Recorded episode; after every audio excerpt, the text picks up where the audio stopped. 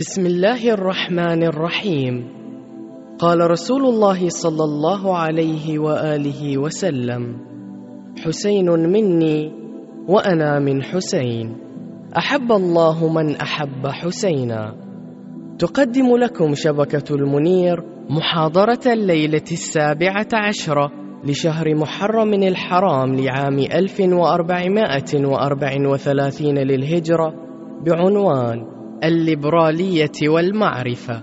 لسماحة العلامة السيد منير الخباز حفظه الله بحسينية الشخص بالأحساء. صلى الله وسلم عليك يا رسول الله.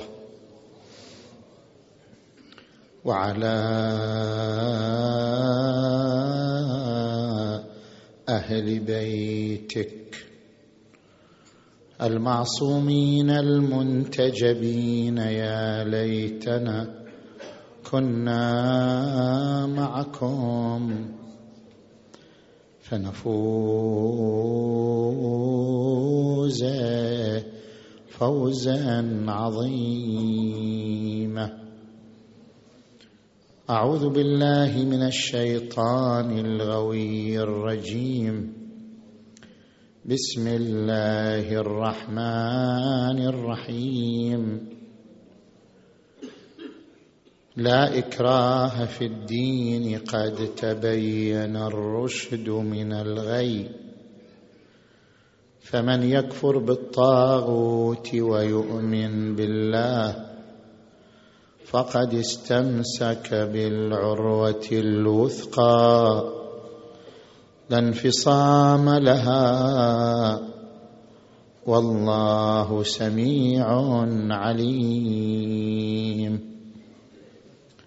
آمنا بالله صدق الله العلي العظيم.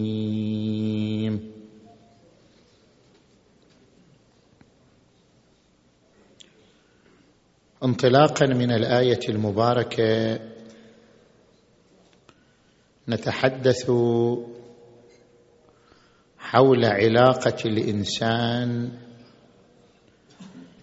بالدين من خلال محاور ثلاثة. المحور الأول في تعامل الليبرالية المعرفية. مع اعتناق الدين. الليبرالية لها أقسام ثلاثة. ليبرالية سياسية وليبرالية اقتصادية وليبرالية معرفية. الليبرالية السياسية هي عبارة عن سيادة القانون. أي أنه لا توجد سلطة لأحد على أحد ولا ولاية لأحد على أحد. وإنما السلطة والسيادة هي للقانون وليست للأفراد. والفئة الحاكمة هي جهة مسؤولة عن تنفيذ القانون وتطبيقه من دون أن يكون لها الولاية أو السلطنة على أحد. الليبرالية الاقتصادية هي عبارة عن تحرير رأس المال عن موانع الاستثمار. فمن امتلك رأس مال فقد امتلك الحرية في استثماره وتنميته.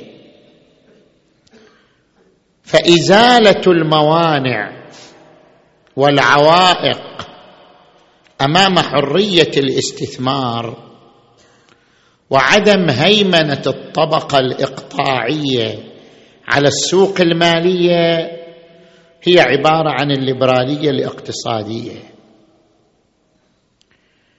نحن ليس حديثنا عن الليبرالية السياسية أو الاقتصادية. إنما حديثنا في القسم الثالث وهو الليبرالية المعرفية. الليبرالية المعرفية ترتكز على ركيزة فكرية معينة وهي مبدأ المعارف البعدية. ما هو المقصود بهذا المبدأ؟ هل المعرفة العلمية معرفة قبلية أو معرفة بعدية؟ هل المعرفة العلمية هي المعرفة السابقة على ميدان التجربة أو اللاحقة لميدان التجربة؟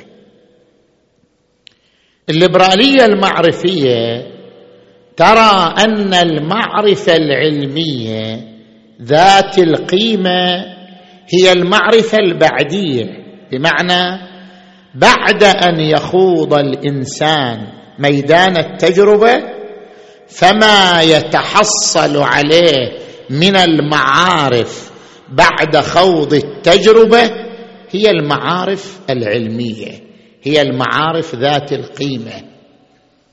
فالمعرفة العلمية بعدية وليست قبلية. وربما بعض الليبراليين قد يستدل بالقرآن الكريم على أن المعرفة العلمية بعدية وليست قبلية. بمثل قوله عز وجل والله أخرجكم من بطون أمهاتكم لا تعلمون شيئا. وجعل لكم السمع والأبصار والأفئدة قليلا ما تشكرون. فإذا تم طرح هذا المبدأ ألا وهو المعرفة البعدية. يترتب على هذا المبدأ ثمرتان. الثمرة الأولى أن القيمة العلمية لليقين الرياضي وليست لليقين الذاتي. شنو الفرق بين اليقين الذاتي واليقين الرياضي؟ اليقين الذاتي هو اليقين الذي لا يقبل المراجعة والمداخلة. فهو يقين ليس فيه مرونه. يقين لا يقبل مراجعة أو مداخلة.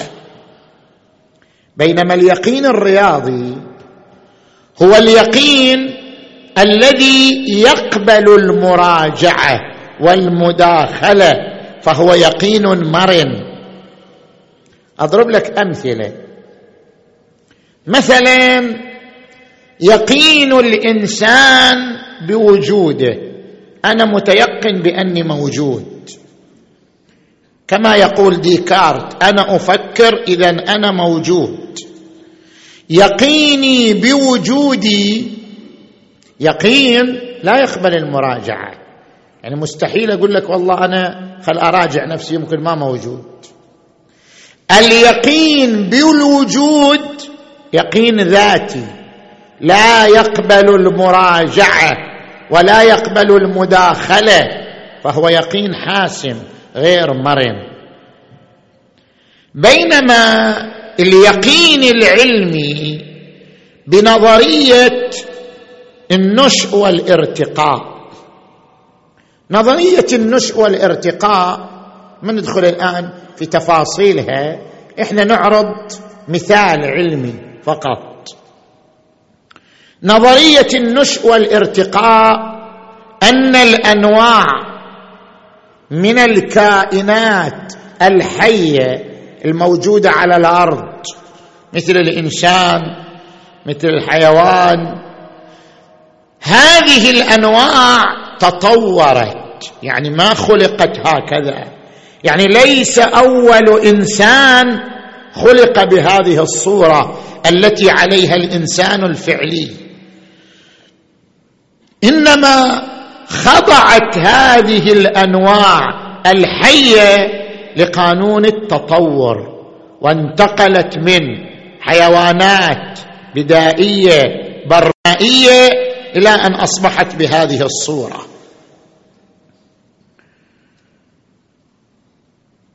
أصحاب هذه النظرية نظرية النشء والارتقاء يقولون قام الدليل عليها. يعني الاكتشافات الجيولوجية بنظرهم أثبتت أن الإنسان خضع لقانون التطور خضع لقانون النشء والارتقاء ولم يكن بهذه الصورة الفعلية. ونتيجة هذه الاكتشافات حصل اليقين بنظرية النشء والارتقاء. هذا اليقين سموه يقين رياضي. ليش؟ لأنه يقين يقبل المراجعة. يعني يقين مرن يقبل المراجعة والمداخلة باكتشافات جديدة بتجارب جديدة. يمكن أن يزول هذا اليقين. يمكن أن تسجل ملاحظات على هذا اليقين. اذا اليقين الرياضي هو اليقين الذي ينبع من التجربة ينبع من الاكتشافات. وهذا اليقين هو ذو القيمة العلمية هو ذو القيمة المعرفية. فبما أن المعرفة بنظر الليبرالية المعرفية هي المعرفة البعدية وليست القبلية. اذا اليقين العلمي هو اليقين الرياضي. يعني اليقين المستند للتجربة وليس اليقين الذاتي. هذه الثمرة الأولى. الثمرة الثانية مسألة الحكم بالارتداد. هذه مسألة تشغل بال الليبرالية المعرفية. حكم الدين بالارتداد. لو فرضنا أن إنسان أعلن إنكاره للخالق عز وجل بعد أن كان مسلما أو أنكر الدين هل يصح الحكم عليه بالارتداد؟ يقول هذا مرتد أم لا؟ الليبرالية المعرفية تقول ليس لأحد الصلاحية أن يحكم على هذا الإنسان بالارتداد. ليش؟ لوجهين وجه عقلي ووجه شرعي. الوجه العقلي الدين ليس تكليف وإنما هو حق. الليبراليه تقول الدين مو تكليف ما حد يقدر يلزمك بالدين. الدين حق وليس تكليف. من حقك أن تبحث ومن حقك إذا بحثت أن تعتقد ومن حقك إذا اعتقدت أن تعلن ومن حقك أن لا تصنع شيئا. فمن حقك أن تبحث أو لا تبحث. من الأصل هي مسألة حق. الدين حق وليس تكليفا. لا توجد جهة تفرض على الإنسان أن يعتنق الدين. ليش؟ لأن إحنا لو قلنا الإسلام يفرض علينا أن نعتقد به. يجيك واحد يقول لك هو الإسلام والإسلام قاعد يقول ومن يبتغي غير الإسلام دينا فلن يقبل منه وهو في الآخرة من الخاسرين. الإسلام يفرض نفسه. يقول لك هذا غير معقول هذا دور. الإسلام يفرض نفسه. يعني الإسلام يطلب من الناس أن تؤمن به. يقول لك هذا دور هذا لا يصح عقلا أن يفرض الإسلام نفسه. ويطلب الإسلام من الناس التدين به. هذا دور. زين. الوجه الشرعي. المستفاد من الآيات القرآنية أن التدين حق وليس بتكليف وأن بيد الإنسان الخيار في أن يتدين أو لا يتدين. كما في قوله تعالى لا إكراه في الدين قد تبين الرشد من الغي. كما في قوله تعالى فمن شاء فليؤمن ومن شاء فليكفر. كما في قوله تعالى انا هديناه السبيل اما شاكرا واما كفورا. اذا القرآن نفسه يطرح مسألة التدين مسألة حق وخيار وليست مسألة إلزام. النتيجة أن الليبرالية المعرفية ترى أن المعارف العلمية بعدية وليست قبلية وأن القيمة العلمية لليقين الرياضي لا لليقين الذاتي وأن مسألة الدين هي مسألة حق وليست مسألة تكليف. ولا إلزام. نجي الآن إحنا للمحور الثاني من حديثنا. صلوا على محمد وآل محمد.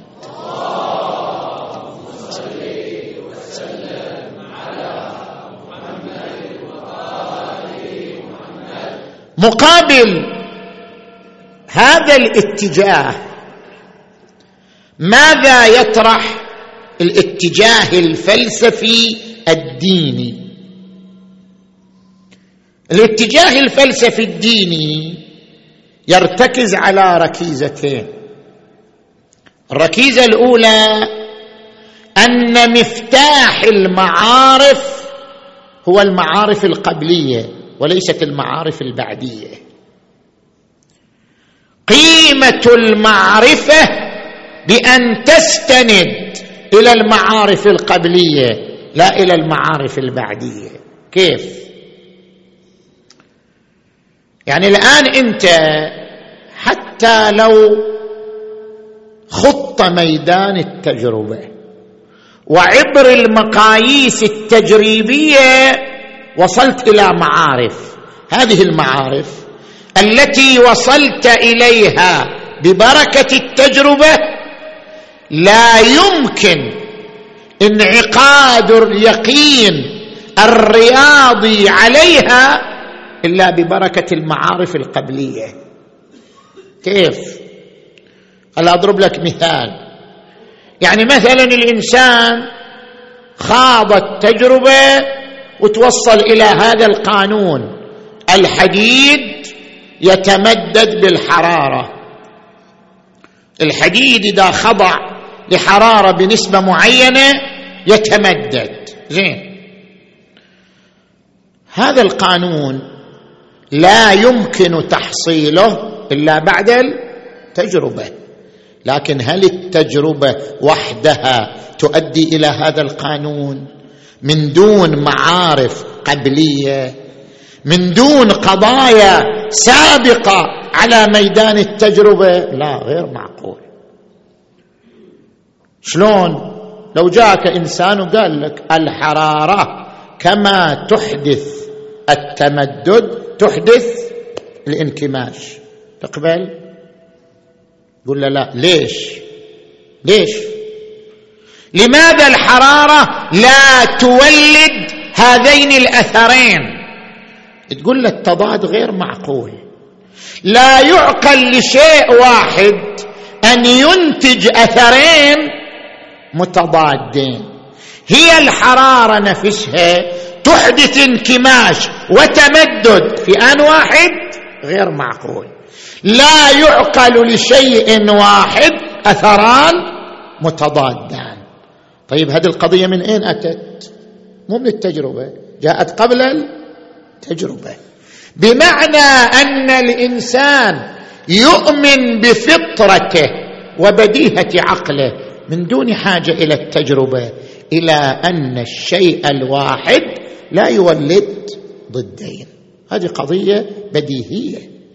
اذا هناك قضية فطرية سبقت ميدان التجربة وهي أن الواحد لا يولد ضدين.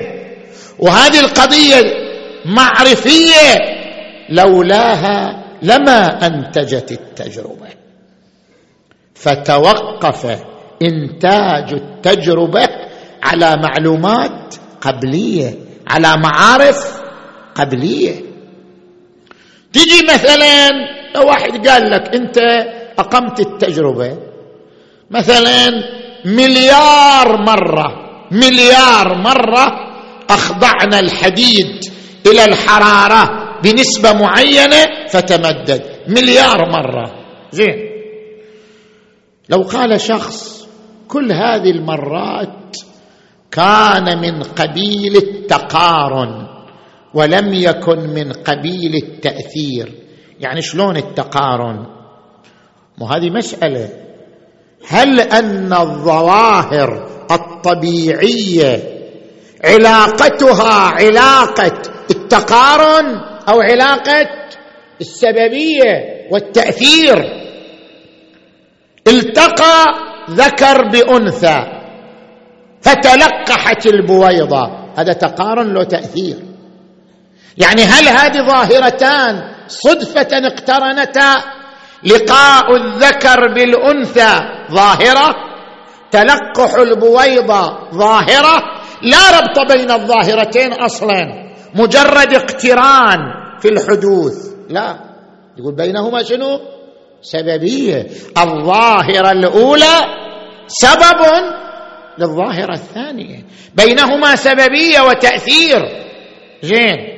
هذه البذرة وضعناها في التربة وضعنا لها سمادا سقيناها ماء أنتجت لنا نبتة.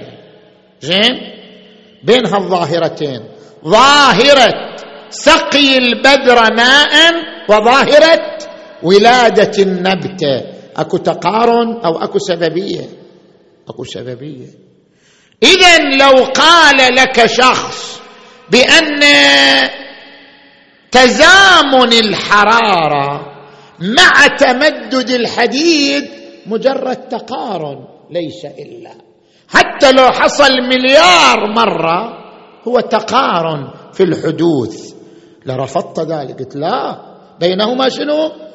سببية وتأثير. هذا معناه أنك تؤمن بقضية قبلية سابقة على التجربة وهي مبدأ السببية وأن العلاقة بين الظواهر الطبيعية علاقة سببية وتأثير وليست علاقة اقتران. اذا بالنتيجة لم تستطع أن تحصل على المعرفة البعدية إلا بمعرفة قبلية.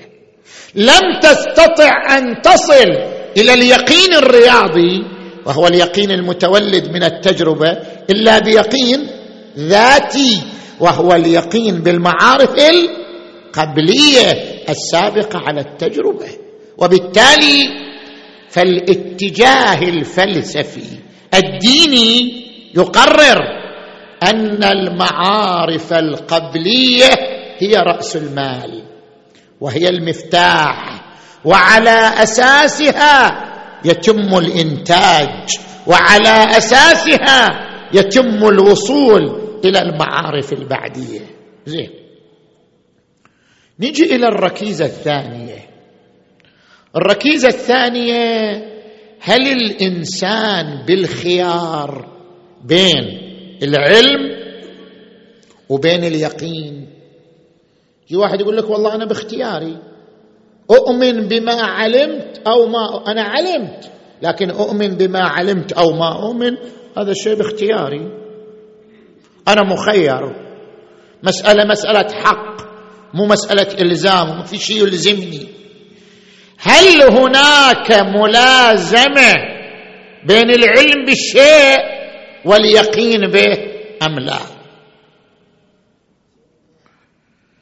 هذه المسألة طبعا مطروحة فلسفيا ومورد بحثها بحث العصمة.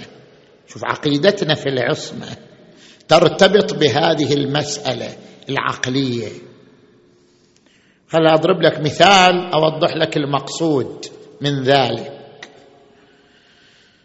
عندما يعرض على الإنسان كأس عصير برتقال لذيذ ويجعل بين يديه. فتقع في العصير حشرة سامة حشرة خطرة. هذا الإنسان بمجرد أن يعلم بالخطر شنو؟ ينصرف. مو بس ما يشرب بل شنو؟ ينصرف نفسيا أصلا. يعني لا يفكر في الشرب فضلا عن أن يقدم على الشرب تفكير ما يفكر. شو اللي حدث؟ هل هناك ملازمة بين العلم بالخطر واليقين به وترتيب الأثر عليه؟ علم بالخطر فآمن به فاجتنب مورده. نعم إذا كان عاقل هكذا. مقتضى العقلانية. إذا هو عاقل إذا هو مريض شيء آخر. ربما واحد يشوف هذا الخطر اشرب إما لمرض عقلي إما لمرض نفسي. حتما عنده خلل. مقتضى العقلانية هو الملازمة بين العلم بالشيء والإذعان به. إذا لم يذعن اذا هناك خلل في البين خلل عقلي أو خلل نفسي. تجي الآن إلى مسألة العصمة. العصمة لها منشأ وهو العلم. المعصوم ليس مجبورا على الطاعة ولا مجبور على ترك المعصية وإلا لم يكن له ثواب ولم يكن له حق. في ثواب. ليش؟ المعصوم العصمة ترجع إلى منشأ علمي. علم المعصوم بمفاسد المعصية ومنافع الطاعة هو الذي استلزم شنو؟ انصرافه النفسي عن المعصية فضلا عن ارتكابها. هذا المعصوم يعلم بمفاسد المعصية كعلم الإنسان بأصابعه الخمسة. وعلمه بمفاسد المعصية صار شنو؟ مستلزما لانصراف نفسه عن التفكير في المعصية فضلا عن ارتكابها. لكنه يقدر. اذا رجعت العصمة إلى مسألة ملازمة بين العلم وبين الإذعان بين العلم وبين اليقين. اذا هناك قضية عقلية. من علم بشيء أذعن به ما لم يكن هناك مانع ما لم يكن هناك خلل أو مرض. من هنا إحنا نجي لمسألة الارتداد. نقول الدين ما نتكلم الآن هل الدين يفرض عليك الإسلام أو ما يفرض؟ خلينا نجي للعقل مسألة مسألة عقلية. العقل يقرر أن الأدلة على وجود الخالق جل وعلا وعلى حقانية الدين هذه الأدلة قائمة وموجودة. وثابتة. من علم بهذه الأدلة كان علمه بها شنو؟ مستلزما للإذعان لولا خلل عقلي أو نفسي. هذه مسألة عقلية. ما يحتاج الإسلام يقول لك مسألة عقلية. اذا بالنتيجة يقول الإنسان والله التدين حق لا مو حق. إلزام. بس مو إلزام شرعي إلزام عقلي. ليس التدين حقا بل التدين إلزام. لكن شنو مصدر الإلزام؟ مصدر الإلزام العقل. العقل يقول مقتضى العقلانية أن تبحث عن أدلة وجود الخالق ومقتضى قيام الأدلة على وجود الخالق أن شنو؟ أن تؤمن به. هذا مقتضى الملازمة العقلية. إلا أن يكون هناك مانع يعني خلل عقلي أو نفسي وإلا. ولذلك القرآن الكريم يقول وجحدوا بها واستيقنتها أنفسهم. لو رجعوا إلى طبيعتهم الفطرية الإنسانية لوجدوا الأدلة على ثبوت الخالق محققه شنو؟ لليقين والإذعان ولكنهم كابروا وأظهروا الجحود وأظهروا الإنكار لخلل في النفوس أو في العقول. اذا الركيزة الثانية من ركائز الاتجاه الفلسفي الديني أن العقل يفرض التدين بمقتضى الملازمة بين العلم بأدلة وجود الخالق وبين الإيمان به لولا وجود خلل في البين. زين. نجي الآن إلى المحور الثالث من حديثنا صلوا على محمد وآل محمد.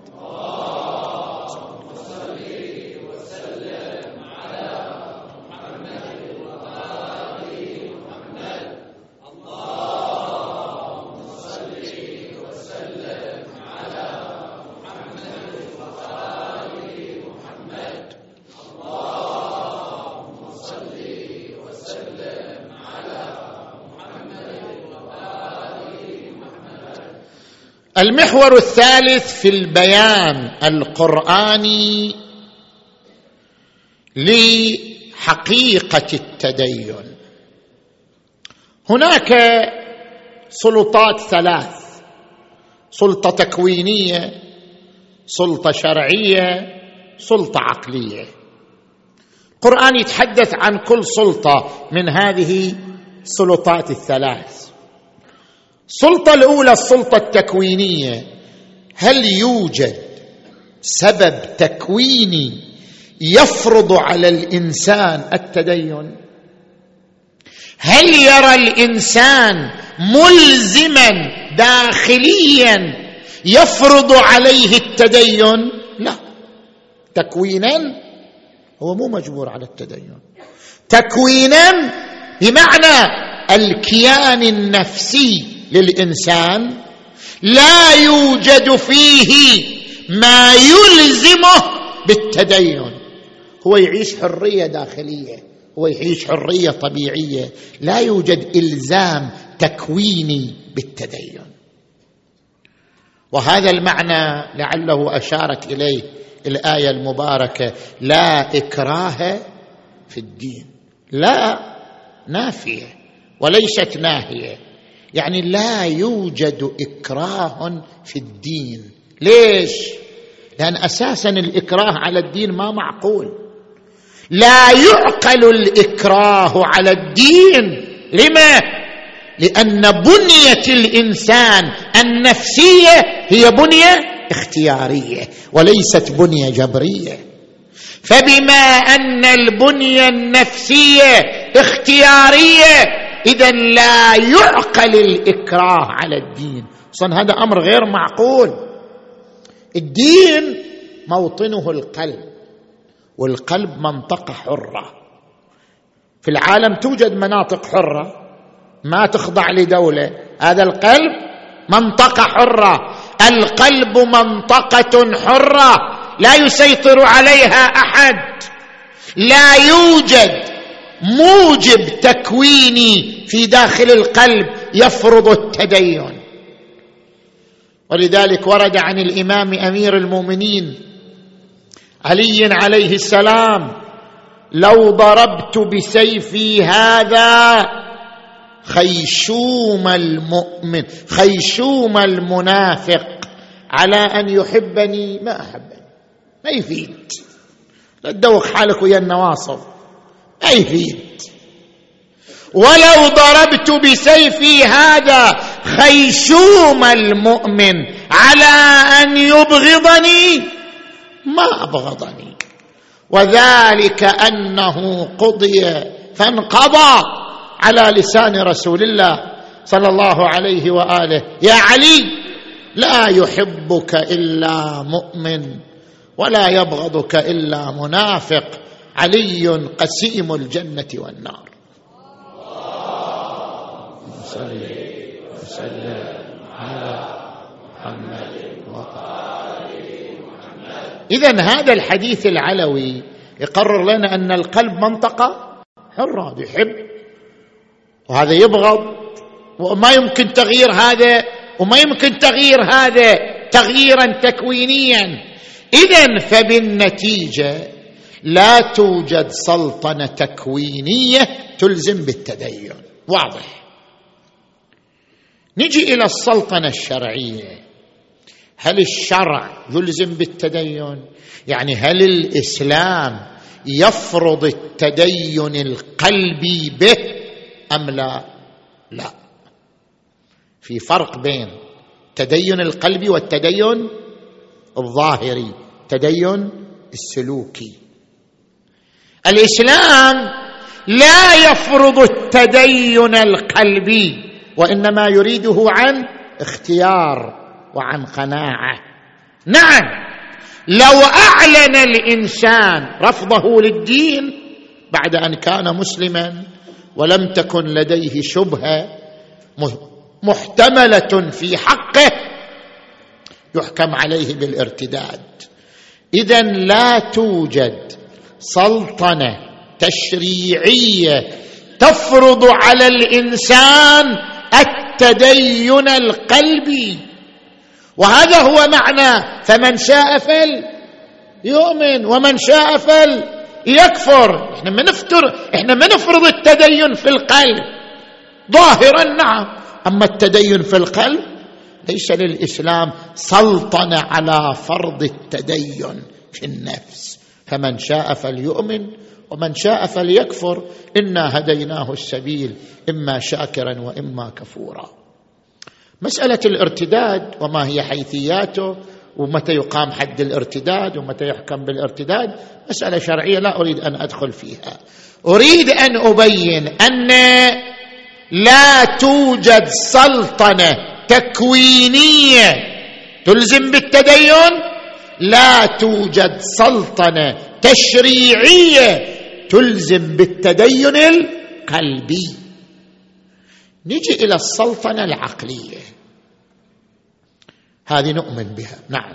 قل العقل كما شرحنا في المحور الثاني. العقل إلى سلطنة.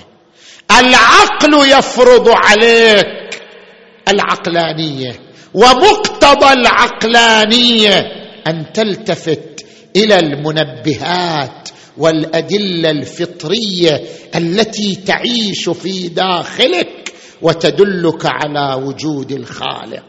ومقتضى الالتفات إلى هذه الأدلة الفطرية الإيمان بوجود الخالق. هذا كله نعبر عنه بالسلطنة العقلية يعني ملازمات عقلية يقررها عقلك. بما أنك عاقل عليك أن تبحث عن الأدلة. بما أنك عاقل مقتضى العلم بهذه الأدلة أن تذعن بها وتؤمن بمؤداها. ولذلك القرآن الكريم يثير هذه القضية العقلية. في القرآن الكريم ما يستدل على وجود الخالق بقول الخالق. وهو القرآن وهو كلام الخالق. ما يقول الدليل على وجود الخالق قول الخالق. لا لا. يثير قضايا عقلية. يقول مثلا لو كان فيهما آلهة إلا الله لفسدتا. يقول مثلا أم خلقوا من غير شيء أم هم الخالقون؟ يقول مثلا وما لي لا أعبد الذي فطرني وإليه ترجعون.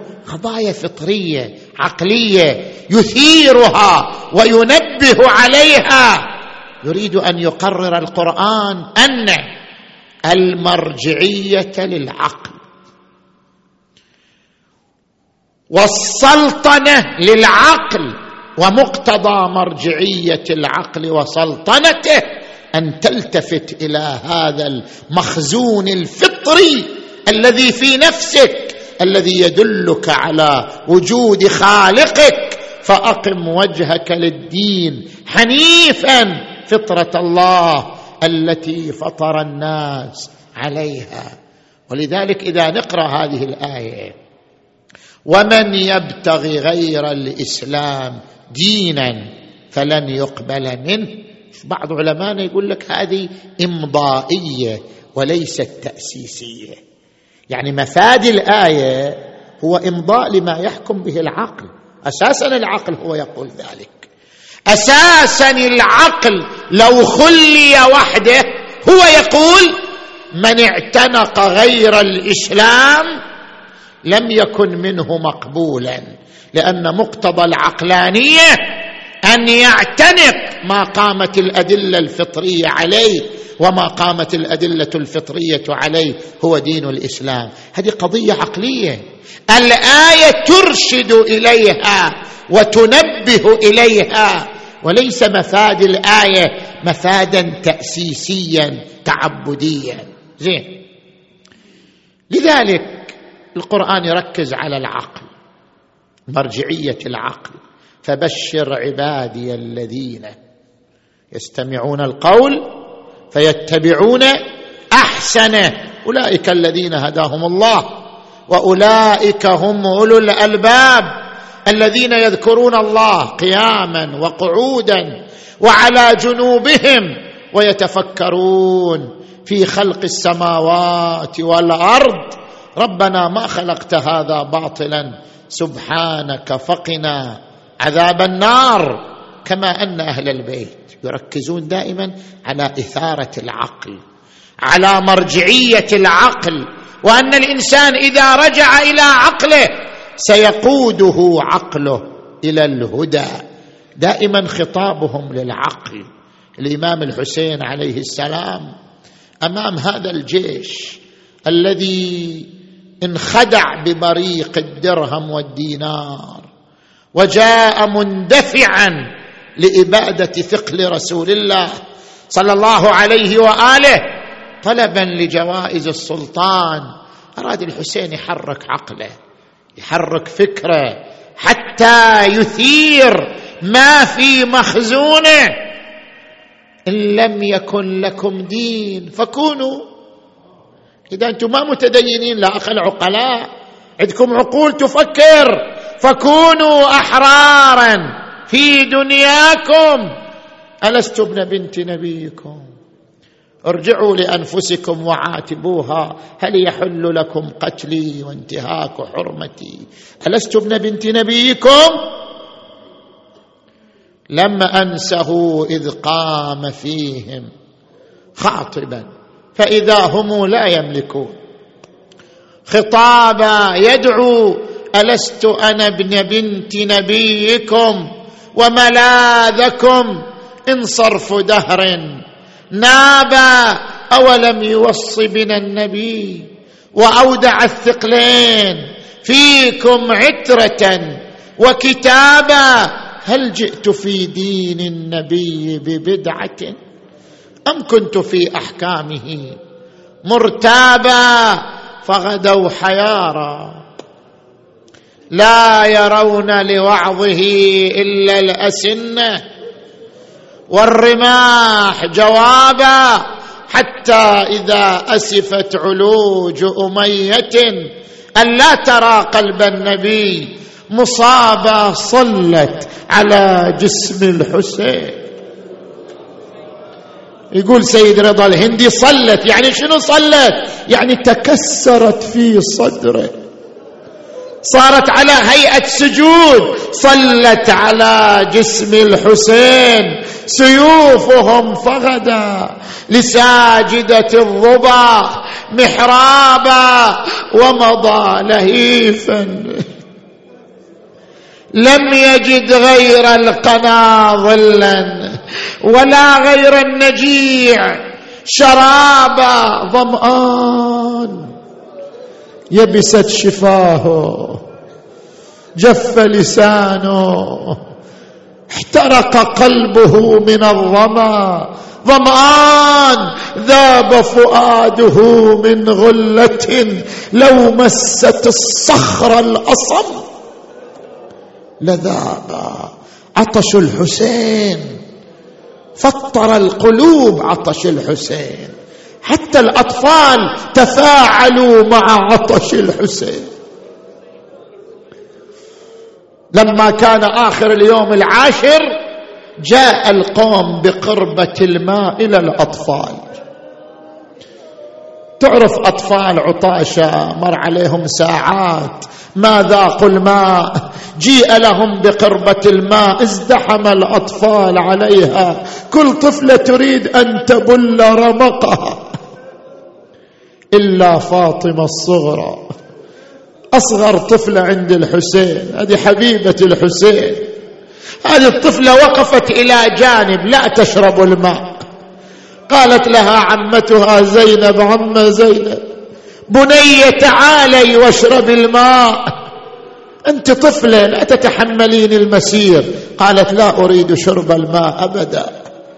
قالت عمتها زينب أقسم عليك بأبيك الحسين. إلا شربت الماء. شوف الطفلة حرارتها تفاعلها مع أبوها. رمقت لعمتها وهي تبكي.